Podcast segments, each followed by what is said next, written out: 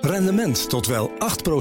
Ontdek Unity. Wij bieden koppelbare werk, kantoor en opslagruimtes die staan voor duurzaamheid, kwaliteit en veelzijdigheid. Sluit je aan bij Unity, waar alle ruimte is voor creativiteit, lef en rendement. Kijk voor meer informatie op unity-units.nl. Welkom bij De Crux, de podcast waarin we met twee mensen die lijnrecht tegenover elkaar staan onderzoeken waarom ze het niet eens kunnen worden. Geen roeptoeters, maar mensen die langer dan anderhalve tweet en een krantenkop ergens over hebben nagedacht. Het is grappig daarom dat jij zegt dat het grappig is dat jij nu in de markt gelooft en ik, en Ja. ik minder. Ik wil weten hoe het zit. Waarom hij nu optimistisch is en ik pessimist, is eigenlijk om dezelfde reden. Daar voel ik me wel bij thuis, bij deze crux. Ja, goed. Ja. Ik ben Esther van Rijswijk en ik ben econoom en journalist. En hier tegenover mij zit Esther Kwaks, eh, ook econoom, maar eentje die de ratio ver voorbij is en nu psychologie studeert. Kwaks, waarom deze podcast? Ja, wij wilden heel graag deze podcast omdat we regelmatig debatten voorbij zien komen waarin je mensen hoort die weten waar ze het over hebben. Ze kramen geen onzin uit, ze zijn het eens over de feiten, maar toch worden ze het niet eens. En dat fascineert ons. Hoe komt dat? Waarom denken ze verschillend? Welke overtuiging zit eronder? Ja, precies. Wat is de crux hier? Nou, en dit is de plek waar we normaal dan altijd daar ons over zitten te verbazen en te kletsen, Kwaks, bij jou aan de keukentafel. En vandaag staat arbeidsmigratie op het menu. Kan e- onze economie nu beter met of zonder migranten groeien? Voor ons staat de laptop met een gesprek dat we hebben opgenomen in de studio van BNR. We gaan het terugluisteren en we zetten hem af en toe stil om te kijken of we het allemaal nog volgen en op zoek naar dat antwoord: wat is hier de crux? Naar wie gaan we luisteren? Wij gaan luisteren naar het gesprek dat wij hadden met Matthijs Bouwman en Ronald Dekker. Eh, Matthijs Bouwman is een econoom, een journalist die je kan kennen van Nieuwsuur eh, en van zijn columns in het FD. Eh, en het is een actief twitteraar, dus daar, eh, eh, als je het volgt, kan je hem regelmatig voorbij horen Ja, komen. Hij schuwt het debat, niet. Nee, zeker niet. Nee, zeker niet. Wie dat ook niet doet, is Ronald Dekker. Eh, de opponent van Matthijs van vandaag. Ronald is arbeidseconoom. Die werkte als onderzoeker lang op de Universiteit van Tilburg en aan het eh, ministerie van eh, Sociale Zaken. En nu is Ronald verbonden aan TNO. Precies. Elk gesprek tussen die gasten begint dan met een stelling. Want we moeten wel de tegenstelling natuurlijk eerst op tafel krijgen. En die van vandaag luidt: We hebben arbeidsmigranten hard nodig. En Matthijs begint. Dus dat was zelfs ongeveer de titel van een artikel wat ik in het Financieel Dagblad erover heb geschreven. En het gaat over de langere termijn. Het gaat dus niet over dit jaar of volgend jaar. Het gaat vooral over eh, de demografie. Als je kijkt naar de cijfers zoals die door de demografen worden aangereikt, dan zie je dat er eh, eh, zonder migratie een hele harde daling van de beroepsbevolking komt, van de potentiële beroepsbevolking. Dus zeg mensen tussen 20 en 65 in Nederland. En we zien nu al dat um, ja, alleen maar een afname van de groei van de beroepsbevolking, wat we op dit moment meemaken, dat zorgt al voor echt heel veel ja, disruptie in de, in de maatschappij.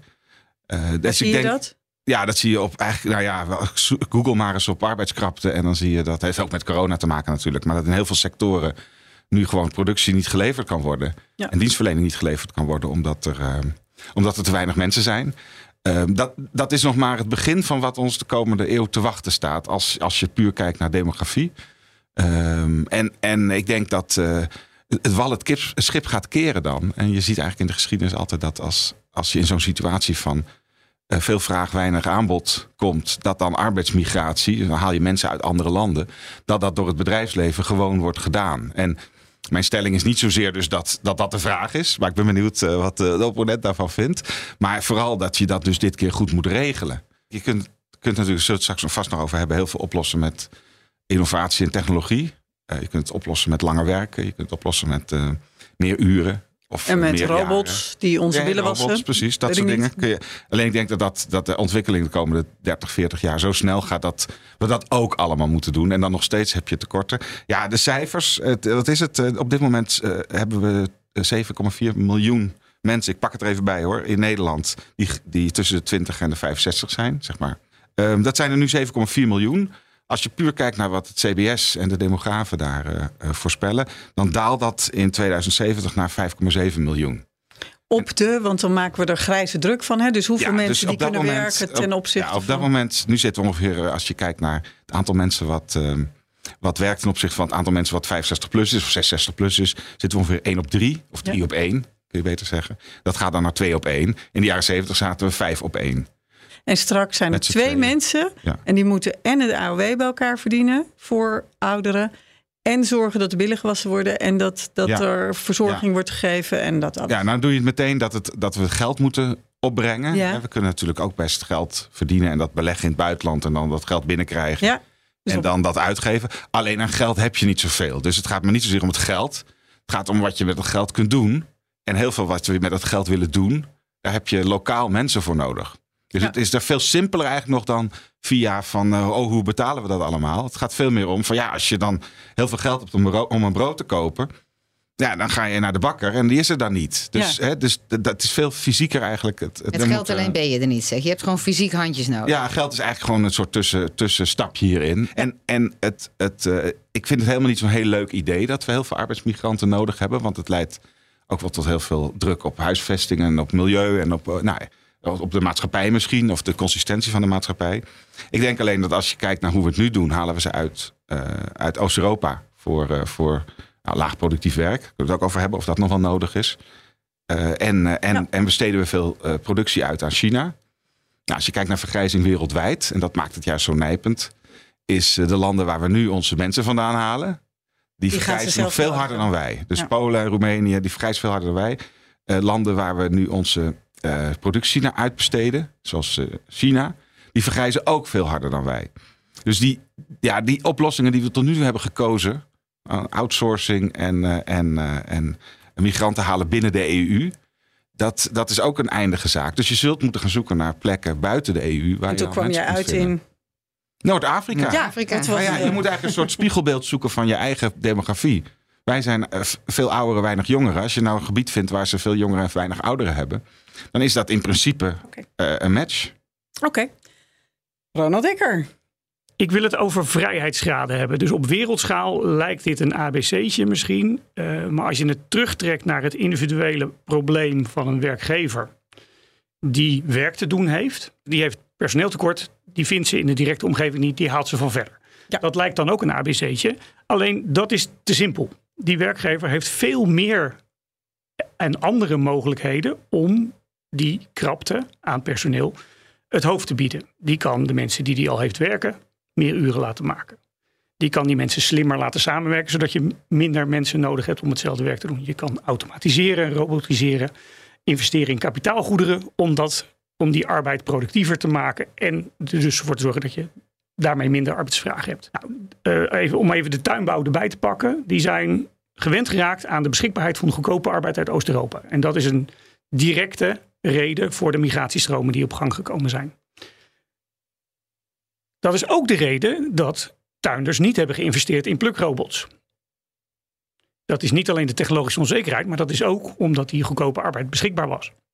Als die goedkope arbeid niet beschikbaar is, je zegt nou, ze mogen gewoon niet meer komen, dat is in Europees verband een beetje ingewikkeld, maar dat, dan, dan eh, ontstaat er een enorme prikkel om die technologische ontwikkeling verder te laten gaan. Nou, Dat er is- staat eerst paniek en het kan helemaal niet. En dan gaan partijen Nou, en dat is te duur. en dat is maar- te duur, maar dat is, dat is dus eh, op basis van die arbeid die goedkoop is en beschikbaar is. Ja. Als die arbeid niet meer goedkoop en of niet meer beschikbaar is, dan worden die andere, andere vrijheidsgraden gebruikt. Dat is gewoon het simpele proces van substitutie, wat een Ja, je laat het heel simpel klinken, maar dat doet ongelooflijk veel pijn. Hè? Er gaan een bedrijf failliet en zo, maar Ja, dan, dan bedrijven- zullen de slimmere... Bedrijven wachten daar extreem lang mee, omdat ze verwend zijn met de beschikbaarheid van goedkope arbeid. Eh, dat begint in de jaren 60. Eh, dan eh, moeten, we, moet, moeten we op een gegeven moment eh, zorgen dat vrouwen ook gaan werken.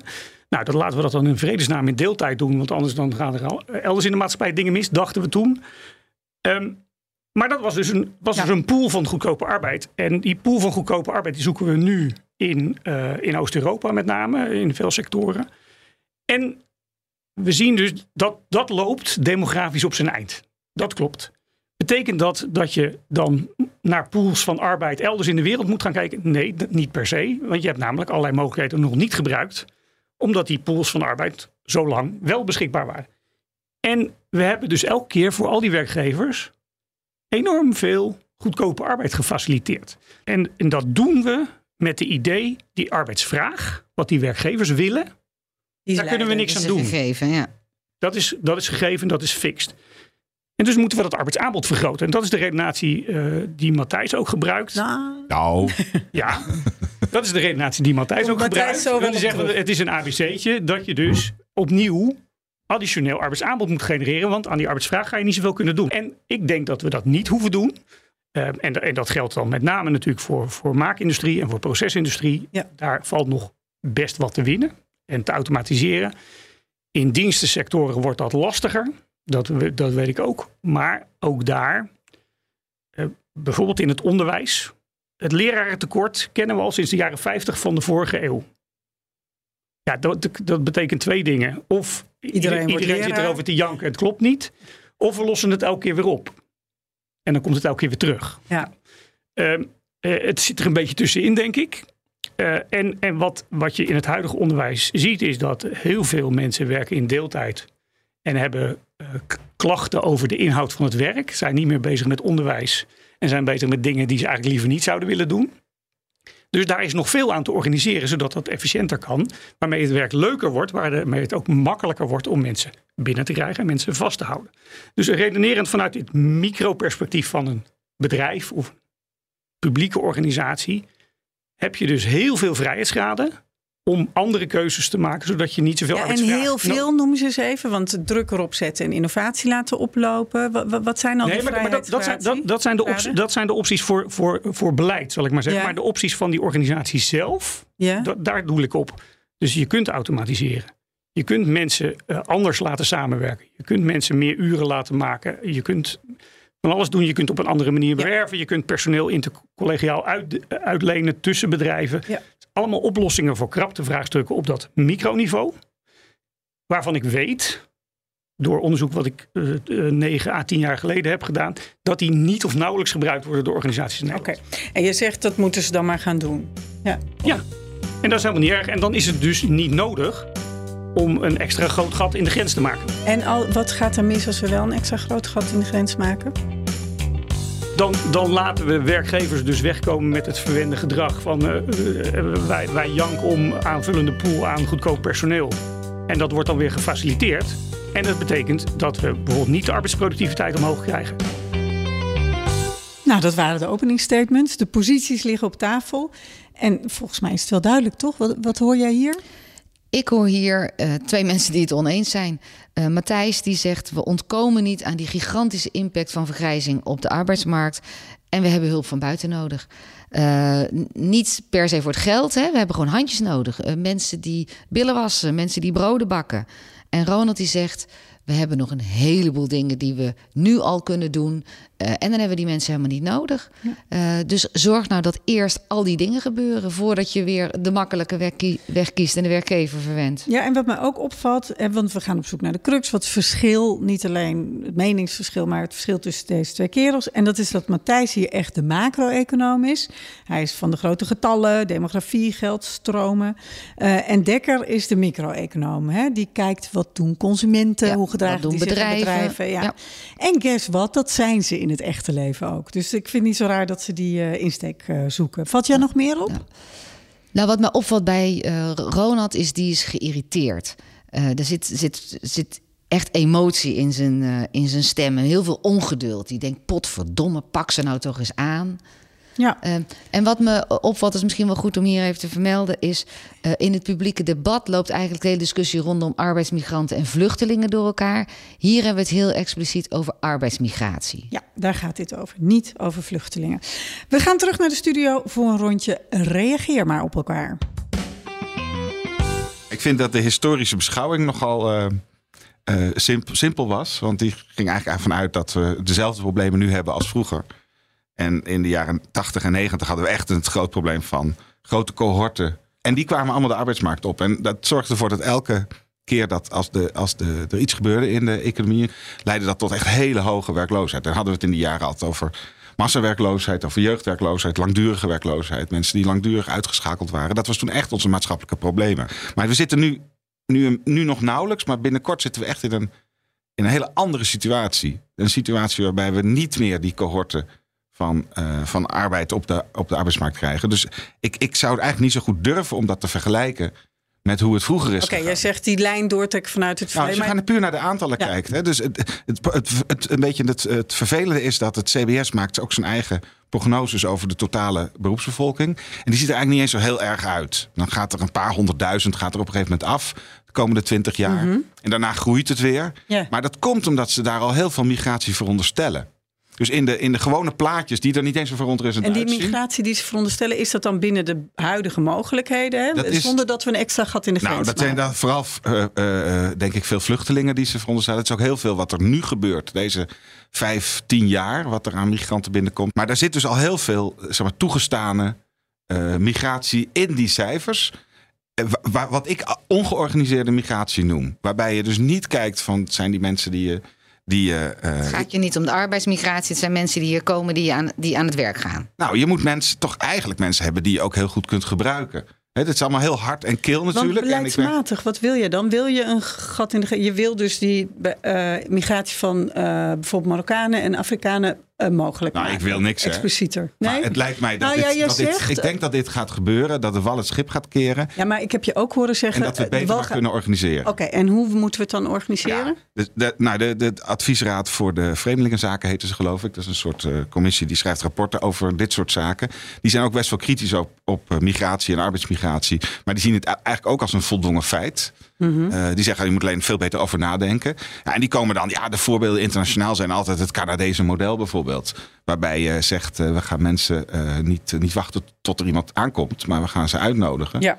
En we gaan eh, ze van tevoren toetsen. Met, hè, die hebben zo'n puntensysteem. Ja. Ik weet niet of dat het voor Europa zou zijn. Want we hebben natuurlijk die vluchtelingenstroom ook die dat heel verwarrend maakt.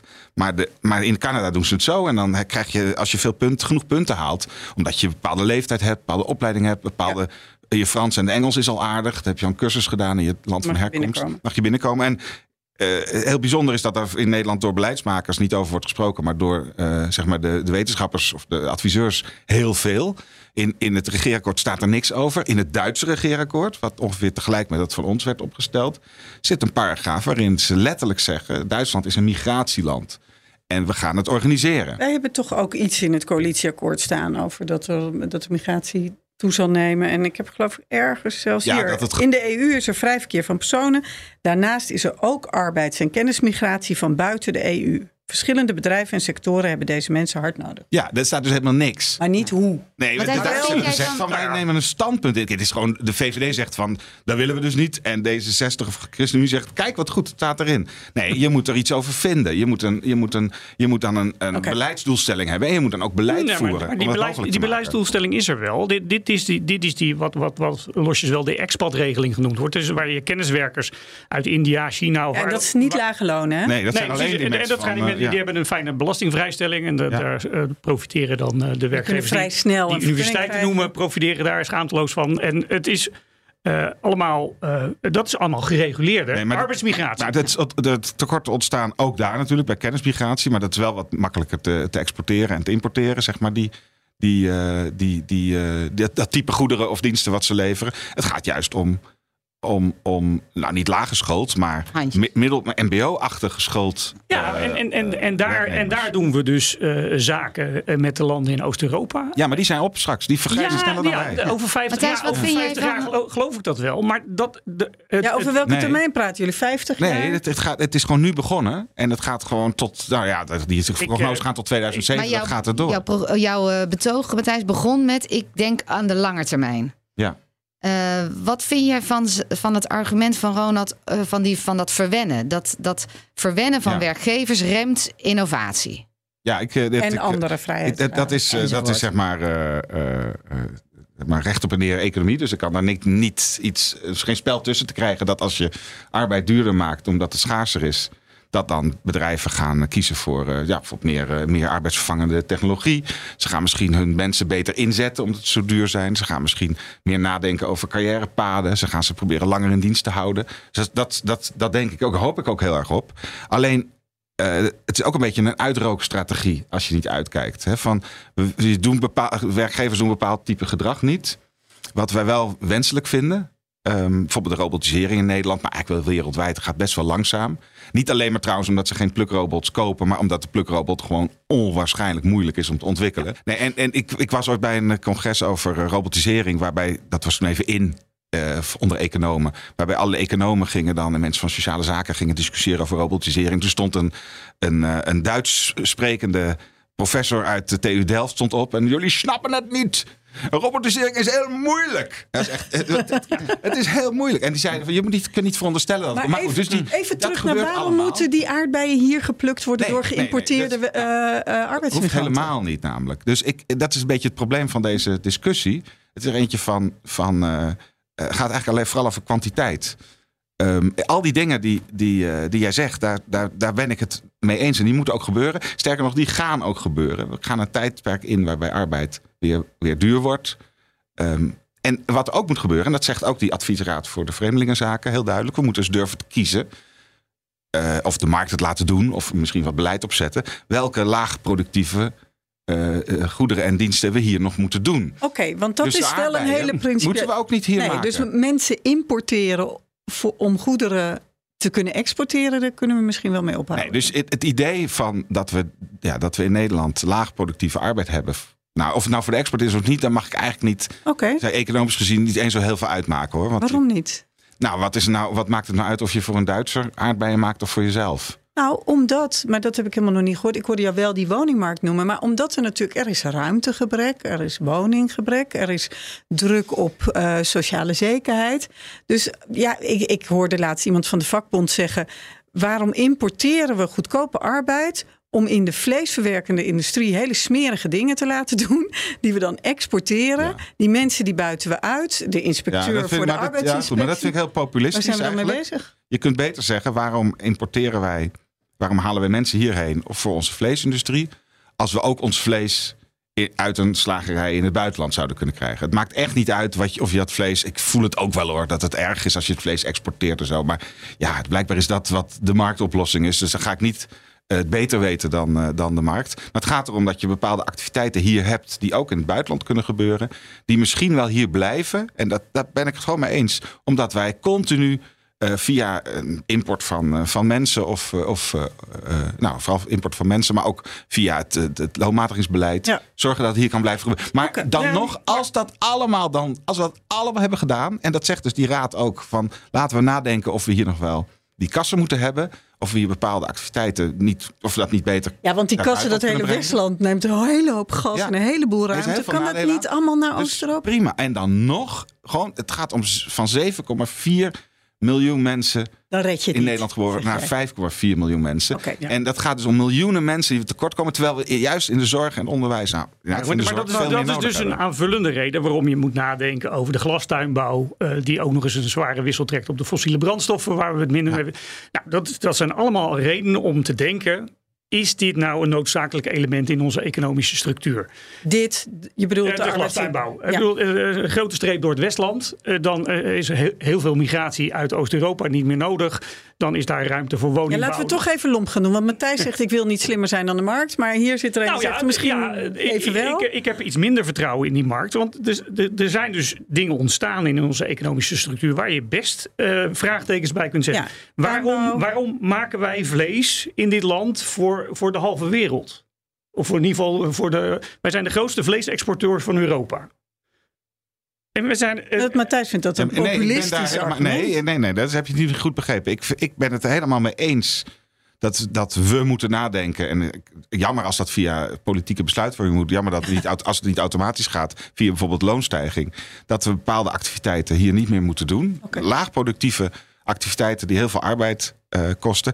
Het enige, en dat was maar een detail, is dat ik niet per se het argument als het voor de export is, moeten we het. Is het erger dan als het voor ons eigen gebruik is? Dus ik vind het argument van Nee, maar- het is maar voor de export, vind ik. Vind ik Als je het via de markt op wil lossen, dan moet je misschien voorkomen dat je die arbeid iedere keer zo goedkoop houdt. Dat is wat Ja, maar dat zegt, gaat dus gewoon niet gebeuren. Dit, jongens, het, echt, het gaat om dat, Nou ja, het- dat we in een nieuwe situatie zitten waarbij arbeid Matthijs, zo schaars wordt dat er maar één ding gaat gebeuren. Alles gaat gebeuren. Nee, maar, maar, maar Matthijs, wat, wat jij zegt is dan, dan moet er een extra gat in de grens, zodat we uit Noord-Afrika aanvullende bedoel je nou met- waarom zeg je nou gat in de grens? Dat klinkt Om- omdat, omdat, omdat dat een grens is die we om Europa hebben staan. eh, of we dat nou leuk vinden of niet, die Maar is er. voor kennismigranten bijvoorbeeld. Die is er niet voor kennismigranten, maar dat is strikt gereguleerd. En daar zijn allerlei eisen aan. Maar vind je dat die dicht moet voor kennismigranten dan toch even? Nee, niet Want per se. we- Nee, niet per se. Nee, dus je zegt, we hebben het echt over lage, uh, Nee, ik, ik, ik ben op zich niet tegen migratie. En ik ben dus voor het goed regelen van migratie. En we hebben dus het goed geregeld binnen Europa. Nou ja, dan kun je, eh, misschien niet, economisch niet zo, maar in ieder geval juridisch wel. En dat voor eh, kennismigranten van buiten Europa hebben we het ook eh, goed geregeld. En als je zegt over 50 jaar is de nood zo hoog, dan is er noodzakelijk behoefte aan een nieuwe, grote migratiestroom. Een gat in de grens noem ik dat even. Dan, dan moet je mij maar eens uitleggen hoe dat gaat gebeuren door de markt. Want voorlopig is Fort Europa Fort Europa. En ik zie het oprekken van die kennismigrantenregeling eh, voor, om grote groepen mensen op eh, middelbaar en lager eh, opgeleid niveau naar Nederland te halen. Daar, dat, dat zie ik niet gebeuren door de markt. Want dat, de markt wordt dat niet toegestaan. Ja, over 50 Nee, jaar misschien nee, niet wel. 50 jaar. Hè. We hebben gewoon over, over 5 jaar, Dit volg 10 ik jaar, niet. 20 jaar. Nou, het, het- ik denk dat het, dat het, het wel gewoon gaat gebeuren. En dan komt er gewoon een, een, eh, een, eh, eh, politiek besluit desnoods of er komen uitzonderingen. We hebben heel lang de, wat is het, de A1-regeling gehad... waarbij je toch stiekem Oekraïners hier kon halen via een uitzendbureau in Polen. Ja, oké, maar dat dat is niet de markt, hè? Dat is, niet, dat is een nou, politiek besluit. Nee, Nou, de kunt- markt gaat zo hard Ja, de markt drukt zo hard dat dat politieke het- Het besluiten is, dit is gewoon, want namelijk, we hebben het straks, we hebben het straks over tekort aan verpleegkundigen. en Ja, oké, maar dan wil ik toch even blijven bij. eh, jij zegt, ik voorspel dat de druk zo groot wordt dat de Ja. politiek zwicht. En jij zegt, ik vind dat de politiek dan niet moet zwichten. Ja. Ja, oké. Dat Ehm, vind ik heel naïef. Ik denk, wat je ziet, kijk nou naar de Ja, geschiedenis. maar we- toch het, gebeurt, even- het gebeurt ja, maar jij altijd. blijft de realist hier. Je zegt, het gaat er niet om wat we willen, het zal gebeuren. Nou, het zeg. gaat Is dat het dat- verschil? ja, ja, jij zegt, ja. ik wil dat we iets willen. Ik wil dat we daar mening over vormen. En dat we dat... Nou, maar ik, ik, ja, ik, ik, Wat ik laten denk- we eens een beetje draaien naar de verschillen tussen Ja, jullie. Daar ik- gaan we hier ja, naar op ik zoek. Ja, draaien naar de verschillen. Daar gaat het om. Want dit, in dit soort gesprekken krijg je altijd te blijven proberen om elkaar te overtuigen met argumenten. En wij willen eigenlijk dat ze daarmee ophouden, toch? Ja, wij willen wegkomen van die argumenten. Wij willen naar de basis achter die argumenten. We willen er, er, er- erachter komen, eronder komen. De eigenlijk. overtuigingen, de basis van de overtuiging. Nou, we hebben een heel stuk geknipt hier. Ehm, er zijn een paar dingen nog voorbij gekomen. Onder meer gooide jij innovatie op tafel. Ja, ik had het vermoeden dat eh, Ronald Dekker daar wellicht optimistischer over eh, zou zijn dan Matthijs. Eh, daarvan zeggen ze allebei nee. We, we vinden allebei innoveren belangrijk. We vinden allebei innoveren super moeilijk. Ja, ook Ronald, hè? Want je Ook zou denken, Ronald. die denkt dat kunnen die werkgevers wel, moeten ze alleen even doen. Maar hij zegt super moeilijk. Ja. Ja. Eh, en je moet, omdat het zo moeilijk is, moet je de werkgevers eigenlijk dwingen, de, de noodzaak vergroten, dwingen om het te doen. echt en niet iets anders ernaast maken. zetten. En daarvan zegt Matthijs, ja, eh, het zal best, maar je hebt alles nodig. Je hebt en innovatie nodig en migranten nodig. Precies. We hebben het ook nog heel even over de rol van de overheid gehad. Daar zitten ze net anders in. Matthijs die zegt, eh, we moeten, de, de overheid moet keuzes maken. En, en, en Ronald zegt, nee, Ja, je moet niet zo naar je oor naar die werkgevers Ja. eh, eh, laten luisteren. Eh, laat ze maar eh, modderen met die innovatie. we gaan nog even door. We blijven proberen ze dus naar die verschillen te krijgen. Is de een misschien meer optimist of de ander pessimist? Heeft de een meer Vertrouwen in de vertrouwen markt misschien, hè? Ja, Ja. vertrouwen in de markt. We gaan nog even luisteren. We beginnen weer met Matthijs. Ja, ik denk niet dat het dus mijn doel is om de arbeid goedkoop te houden. Mijn doel is om de arbeid die je niet makkelijk kunt eh wegrobotiseren of automatiseren, eh, dat je die nog überhaupt daar de mensen voor hebt. En tegen een, tegen een prijs die, die, ja, die kan betaald worden uit de pensioen tegoede van de mensen die in de Maar, verpleeghuis maar dat, liggen. dat, is, dat is gewoon met veel omhaal van woorden zeggen. Ik wil dus wel additionele goedkope arbeid of betaalbare arbeid. eh, Nou zijn. ja, jij doet alsof het er goedkoper van wordt. Ik denk dat het alleen minder productief Nee, duur van eh, wordt. eh, eh, ja, exact. En, Dus- en, en, en, en ik denk, laat de wal het schip maar keren. Ja. En, En laat kijken wat er dan Nou, dat, dat, gebeurt. dat noem ik de uitrookstrategie. Die, die, Ja, maar wat, die, want hebben jullie dan een ander beeld van wat, er, wat we over hebben nadat de wal het schip heeft het gekeerd? Want het is dan geen verschil in hoeveel vertrouwen je in innovatie hebt. We proeven bij jou. Ik weet niet precies wat die werkgevers gaan doen. Ze hebben een aantal vrijheidsgraden. Ze kunnen gewoon van alles doen. En wat daar precies uitkomt, weet ik niet. Maar daar heb ik best wel vertrouwen in. En bij jou hoor ik. Ja, maar sommige dingen kunnen we niet robotiseren. En dit, misschien valt het allemaal wel tegen Nou, wat er dan uitkomt. Ik denk, ik denk dat eh, een goed voorbeeld is Japan. Dat is een land wat dus niet aan arbeidsmigratie doet. Die eh, zijn, een groot deel van zijn industrie heeft eh geoutsourced als eerste oplossing. Die, die nu eh, echt enorme krapte krijgt. En die al op 1 op 2 zitten ongeveer. Ja. Eh, En daar is de arbeidsproductiviteit, want daar gaat het dan om. hè. Als je innoveert, krijg je veel Precies. arbeidsproductiviteit. Het is ongeveer het meest gerobotiseerde land was het lange tijd van de wereld. Ja. Arbeidsproductiviteit is relatief laag. En, da- en, en stijgt veel minder snel dan in andere landen. Ik zou het graag willen dat, het, dat ik andere voorbeelden had. Er zijn dus allerlei eh, knoppen waar je aan kunt draaien, ook op het beleidsniveau. En, en, en de uitkomst kan zijn dat eh, de arbeidsproductiviteit in Japan dan niet stijgt en dat die economie dan misschien krimpt. Ja. Als de bevolking ook krimpt, is het per hoofd.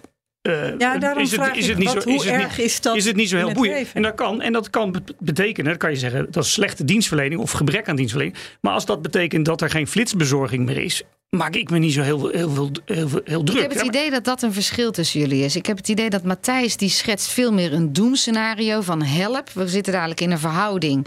Die kunnen we, los van dat we hem niet kunnen betalen, hebben we ook geen mensen meer die kunnen doen wat we de dienstverlening kunnen bieden die we graag En het willen. ergste wat je voor kan stellen, dan moeten we zelf voor onze we- ouders gaan zorgen. Nee, nou, dan dat kun je niet werken. Hè. Dat is een soort zelfversterkend effect. Krijg je dan. Eh, en ik, ik hoor eh, Ronald daar. Nou, dan keert de wal het schip. Dat klinkt, dat klinkt niet als een doemscenario. Dan klinkt, nou, dan Nee, gaan we nou, keuzes is het maken. wordt- het wordt anders. doen. Eh, ja. En het wordt anders. En nou, misschien op sommige pleinen, eh, En- of en plekken niet- slechter. en, niet, maar en niet per se slechter. Eh, Nee, Oké, maar dan gaan we nog een slag dieper. Eh, jij jij ja. bent altijd meer van de. Ja, we gaan even Ja, eh, heel met, met, met, met de korte klap. Jij bent meer de pessimist. Jij bent altijd wat optimistischer. Nou, normaal gesproken niet. niet altijd. Nee, niet altijd. nee. Kijk, Hoe komt het dat jij op dit punt denkt: ja, ik heb er wel vertrouwen in dat we daar wel uitkomen. Terwijl jij denkt: nou, je, dat moet je En- niet onderschatten. Dat, is, dat, is, dat vind ik echt heel interessant aan dit gesprek. Omdat ik eh, eh, betrekkelijk optimistisch ben over wat ik maar even het marktmechanisme Ja, noem. en wat die werkgevers allemaal wel niet kunnen gaan die doen. spanning tussen vraag en aanbod, dat daar een oplossing voor komt. En dat, dat haal ik uit dat ik weet dat werkgevers heel veel onbenutte vrijheidsgraden hebben.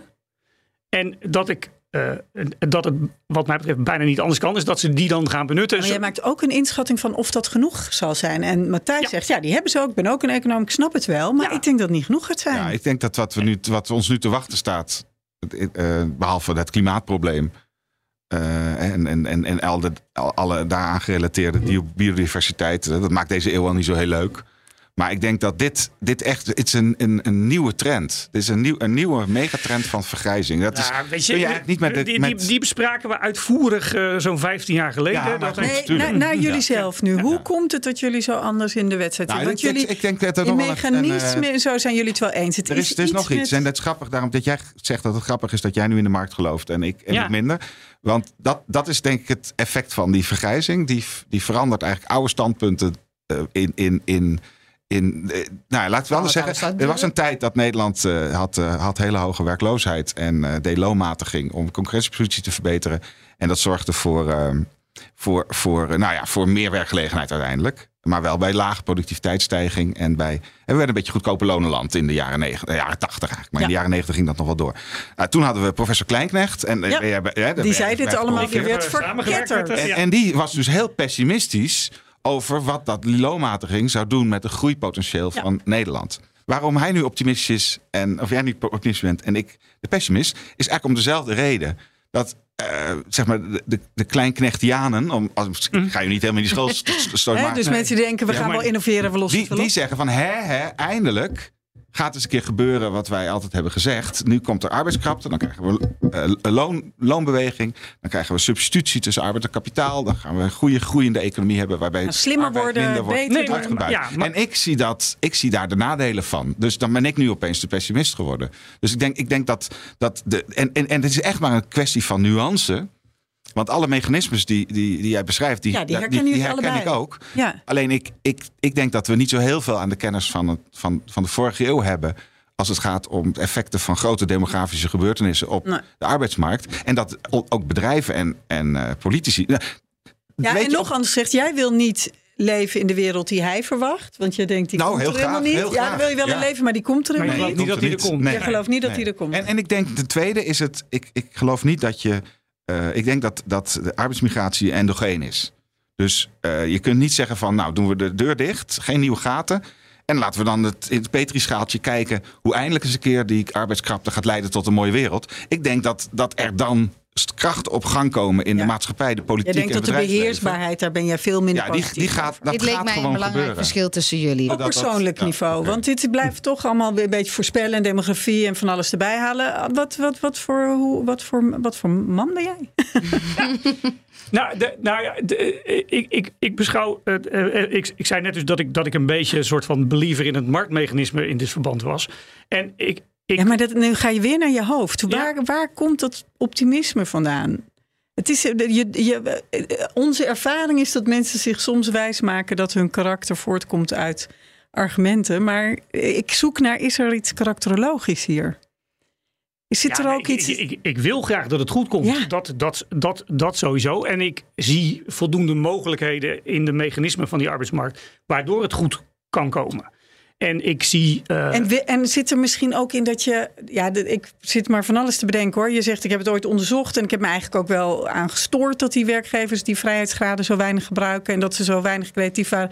Ik wil het verdorie wel eens een keer zien. Terwijl je eigenlijk helemaal niet weet wat er dan uitkomt. Nee, ja, kijk, we hebben het hier over een situatie over 50 jaar. Uh, dan ben ik er waarschijnlijk niet eens meer. Uh, dan... we gaan dit toch al over tien jaar allemaal zien of die vrijheidsgraden gebruiken. Nou ja, maar, nu maar dan, dan, heb je het over een echt een ander vraagstuk. Want dan is, het, dan is Polen, Roemenië en Bulgarije nog lang niet opgedroogd. Dus dan, dan hebben we het niet over additionele migratiestromen. He, dus we moeten goed onderscheid blijven maken tussen over welke termijn we het probleem beschrijven. Ook als we het eh, gaan hebben over wat mijn persoonlijke uh, invalshoek is. Oké, okay. Matthijs, kun jij het persoonlijk maken? Hoeft niet hoor, vinden wij leuk. Maar kunnen we dit persoonlijk maken? Een hele onverwachte wending neemt deze analyse. Um, ja, ik ben, ik ben een rasoptimist. Dus dat, daar komen we niet ver mee. Ik krijg altijd juist het verwijt dat ik altijd wel weer... Uh, in, ook in mijn economische stukken altijd weer iets positiefs te Nou ja, in dit geval ben je positief over dat het kan. We kunnen bedenken hoe we het dan moeten doen. Ja, dat, dat, dat het helemaal...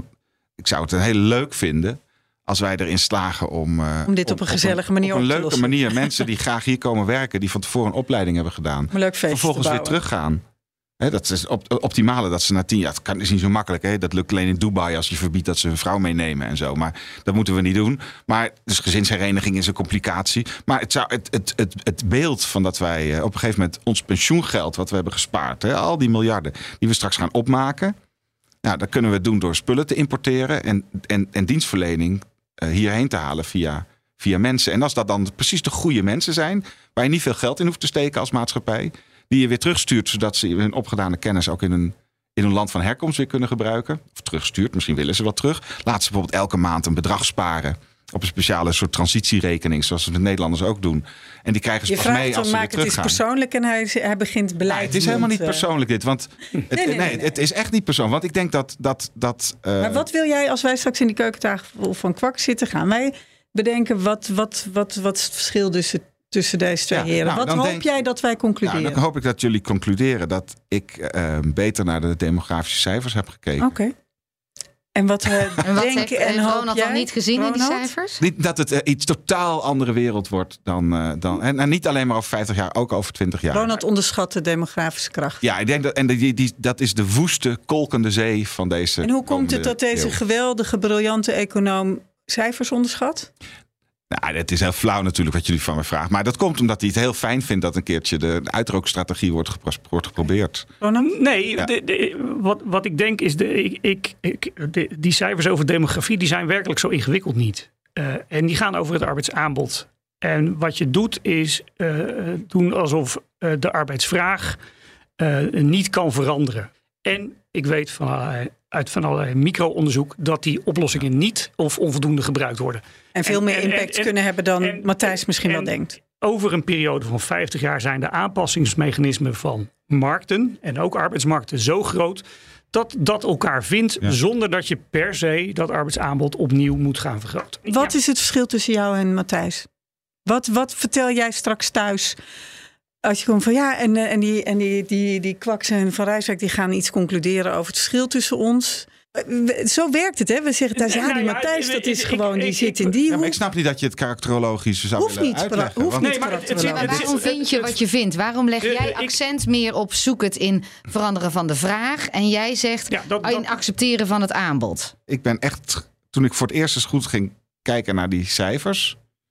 En ook, er zijn ook onlangs weer een paar flinke studies naar gedaan. Hè, van, van, van, van de demograaf uit eh, Den Haag samen met CBS. Van die, van die adviesraad.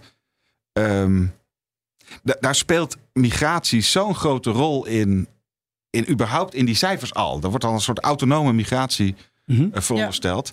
En ik weet dat op dit moment vinden we in Nederland, vinden veel mensen, vinden dat het niet goed gaat met migratie. Omdat het te willekeurig is wie er binnenkomt. Te onduidelijk is waarom ze hier wel of niet mogen zijn. Niet, niet wordt gematcht met de beschikbare Ja, banen. jij zegt, maak dat explicieter. En ik denk van, ja, ik, ik ik denk dat dan zelfs als je die migraties toestaat, hebben we nog steeds een heel groot arbeidsmarktprobleem. Wat je dus ziet in, dus ik denk er moet meer gebeuren dan wat verondersteld wordt in die, in die scenario's. Maar ook, laten we het nou deze keer weer gewoon gebeuren. En het, het- de schande is dat juist de partijen in Den Haag die aarzelend zijn over eh, migratie als maatschappelijk fenomeen, hè, die dat eigenlijk niet willen, die tegelijkertijd, zoals partij als de VVD, die tegelijkertijd wel graag voor die werkgevers Ja. kennismigranten willen hebben, die weigeren in hun partijprogramma's of in een regeerakkoord iets op te schrijven wat een beetje ehm, ehm, eh, modern progressief zou kunnen lijken. En, en da- dat is misschien mijn persoonlijke motivatie. Dat we net als in de jaren 70, toen we dachten 80.000 mensen uit Turkije is prima. En we keken eh, 20 jaar later en het zijn, oh, het zijn er toch veel meer geworden. Ik heb een Yes, poging kunnen we tot hem crux. afronden? Ehm, ik heb eh, het gevoel dat Matthijs meer bloot wil leggen dat de politiek eh, keuzes moet maken, daar maatregelen op moet nemen en dat Ronald meer de werkgevers Mooi. met de billen bloot wil krijgen. Ik denk dat ik strenger ben voor de werkgevers de- dan voor de overheid. Ja, en, en Matthijs is het andersom. voor, de, voor Den Haag. Ja, misschien wel.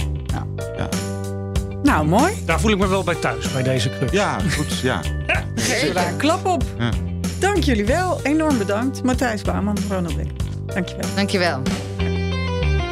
Woeha, dat ging wel heel snel ineens. En Was klaar dat waren we. Ja, was hem dat? Eh, ik denk dat het, dat het de eerste laag van de crux is geweest. Eh Matthijs die zegt, kom op overheid, aan de bak.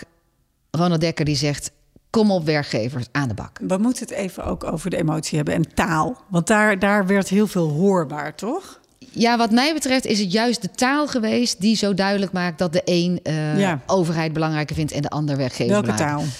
Dat zijn de woorden van Dekker. Die heeft het eh, over verwende werkgevers. Die heeft het over een gat in de grens. Die zegt werkgevers die zitten te janken. Dat is strenge, eh, ja, bijna bozere Ja. eh, taal eh, richting... worden eh, werkge- gepamperd. Ze worden gepamperd, daar is Ja. hij kritisch op. Eh, Matthijs die zegt... eh, Die noemt dat uitroken. Die zegt dat Ronald werkgevers wil uitroken. Wat vind je daarvan? Ja, ik vind dat niet zo eh, elegant, eerlijk gezegd, van, eh, van Matthijs die dat zegt. Want het, het, het wekt een beetje de indruk dat, dat, dat eh, Dekker tegen werkgevers is. Eh, dat, dat snap ik wel. Als je ze verwend noemt, dat En is geen ze compliment. zitten te janken. Eh, en ze zitten te janken.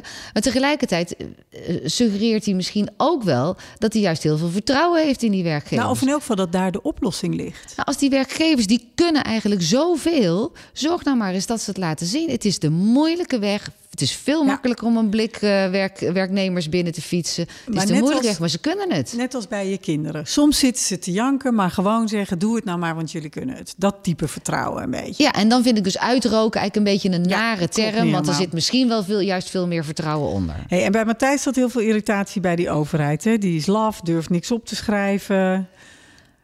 Ja, daar zat ook die, dat was dezelfde taal inderdaad. Ja, dat we daar laten het- irritatie eh, We laten zat. het toch niet weer gebeuren. En die heeft ja, zoiets van, nou, laat, laat het daar maar eens zien. Wat is de tweede laag dan? Je zegt de eerste laag van de crux. Ja, ik denk dat de tweede laag, die hebben we al eerder eh, even aangestipt. Het verschil is tussen de macro-econoom Bouwman en de micro-econoom Dekker. Ja, dat is echt een essentieel verschil. Dus je kijkt naar iets anders. Hè? Dat zeiden we al. Eh, Matthijs kijkt naar beleid. Eh, Ronald kijkt naar wat eh, werkgevers Ja, doen. daar zat overigens ook, daar kom je eigenlijk ook weer bij taal uit. Hè? De, de verschillende eh, voorbeelden of illustraties die ze aanhaalden, die bij Matthijs heel erg zaten op. Die heeft het over landen, die heeft het over onderzoeken, die heeft het over macro-economische getallen. Eh, en Dekker heeft het over, eh, over concrete bedrijven of concrete sectoren. Ja, en ehm, het ging ook nog even over aanbodeconomie versus vraageconomie. Dat, dat is ook wel een interessante, maar misschien kom ik dan weer bij die emotie. Want die aanbodeconomen die zijn al decennia lang redelijk dominant. En eh, mensen zoals Dekker, die, die zeggen, hou daar nou eens mee op. De wereld kan Ja, er dat- zo anders uitzien. Ja, nee, dat voelde je wel, vond ik, in de emotie van zijn. Hij was. Eh, ja, ik weet niet of het gefrustreerd moet noemen, maar hij had echt zoiets van luisteren. Het was duidelijk dat, dat zijn geluid nog eh, eh, meer gehoord zou moeten Ja, worden. hè. Er zat meer opwinding in. Maar goed, ik, ja, Matthijs is veel beschouwender. eh, en dat past ook misschien ook wel bij iemand die, die, bij, bij de, dominant, die de dominante partij, Partij in het debat vertegenwoordigt. Maar goed, dat, dat verklaart denk ik wel de emotie in dit gesprek. Maar daarmee kom ik niet, als ik terug ga naar de stelling, verklaart dat niet waarom zij anders over de stelling Ja, denken. en dat zit hem dan toch een beetje, denk ik, in dat uiteindelijk, als de wal het schip eh, keert, dan zegt Bouwman: Oh, dat wordt vreselijk, moeten we niet willen. Dus we moeten dat schip de hele tijd blijven helpen om de goede kant op te gaan. En Dekker zegt: Laat maar gaan. Ik heb eigenlijk best vertrouwen in de wereld die we daarna Ja. gaan zien. En het is, het is misschien ook maar de enige manier om al die mogelijkheden die daar liggen te ontsluiten. Zolang je een makkelijke weg aanbiedt, kiezen ze niet voor die moeilijke weg. En die moeilijke weg heeft ons heel veel goeds te bieden. Zegt Dekker. Zeg Dekker, precies. Ja. En Matthijs twijfelt eraan. Ik vond het een mooi gesprek. ja, ik vond het ook een prachtig gesprek. Dankjewel. De Crux wordt gemaakt in samenwerking met BNR. Wij zijn Esther Kwaks en Esther van Rijswijk. Wil je nog iets kwijt? Mail dat dan naar crux.esthervanrijswijk.nl